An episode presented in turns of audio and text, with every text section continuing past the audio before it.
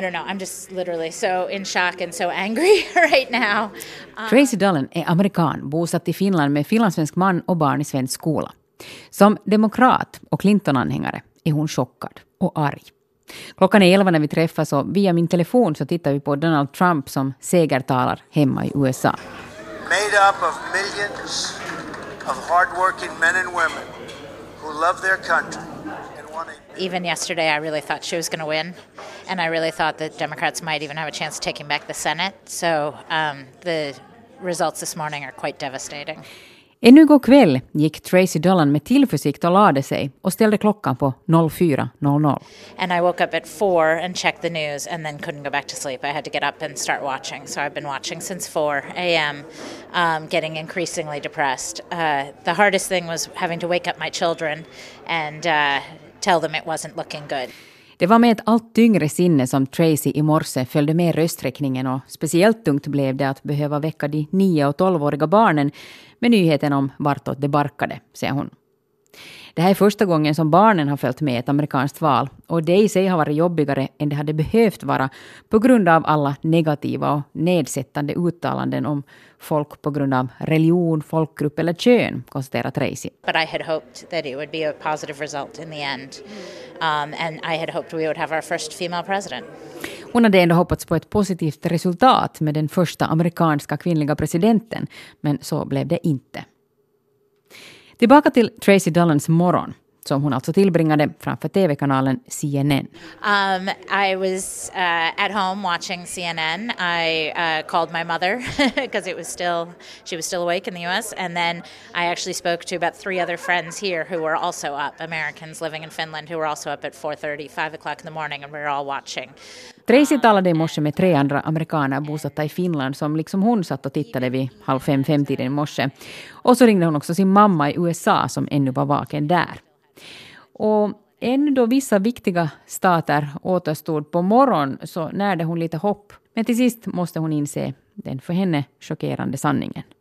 So when they finally called the race for him um, it it's quite a shock. I'm still processing the information and the fact that the Republicans have not only kept control of the Senate and the House, um, but the but he's won the popular vote too. It's just a landslide for him. And um, I disagree with so many of the Republican policies and so many of the things that Trump has said during the campaign.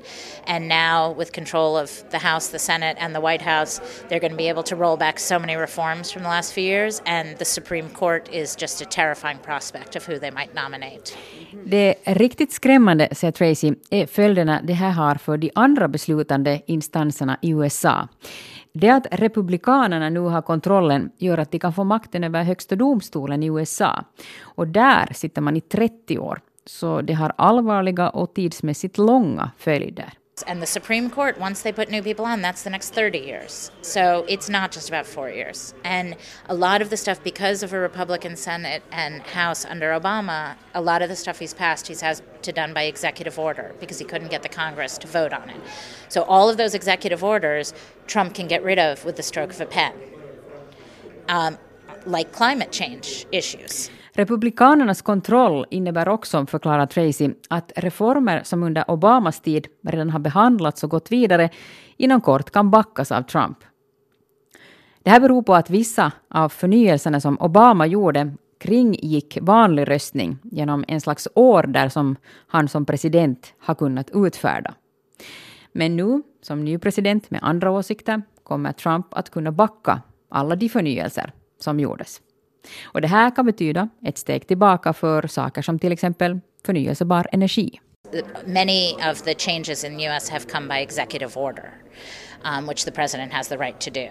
And uh, those Trump can undo as soon as he joins office, it comes into office, including like clean power, um, which was something that restricting coal in the U.S. and was a big step towards our commitments to the Paris Climate Accords. That was an executive order. He can undo that easily if he wants. So, four years is more than enough time to do real damage uh, domestically to our country and internationally, especially um, to our relationships with the rest of the world. I värsta fall kan alltså Trumps fyraårsperiod betyda en tillbakagång för många viktiga frågor på hemmaplan samt äventyra USAs relationer ute i världen, befarar alltså demokratiska Tracy Dolan. Men vad tror hon då att Donald Trumps vinst berodde på? Um, I think that uh, people just wanted change, and he was seen as the change candidate. Um, she was seen as a continuation, and whenever people feel frustrated or Människor vill ha en förändring och han blev betraktad som den som representerade just förändring medan Clinton kopplades ihop med kontinuitet. No, it's just processing. It's just processing the shock. Nå, nu får man bearbeta chocken och gå vidare, säger Tracy Dolan och tillägger som ett av mina barn som har dubbelt medborgarskap konstaterade idag, tur så har vi Finland. Och kanske mommo kan flytta hit från USA. You know, my one of my kids said to me when the results were coming in, not so great. Uh, my kids all have dual citizenship, and because my husband is Finnish, and one of the kids said, "Well, at least we still have Finland." um, and then they said, "Well, Granny can come live with us here." um, so, but you know, uh, America has survived other uh, presidents, but this this is unprecedented. I mean, we don't we don't know what's going to happen. Basically, we don't really know what kind of president he's going to be at all.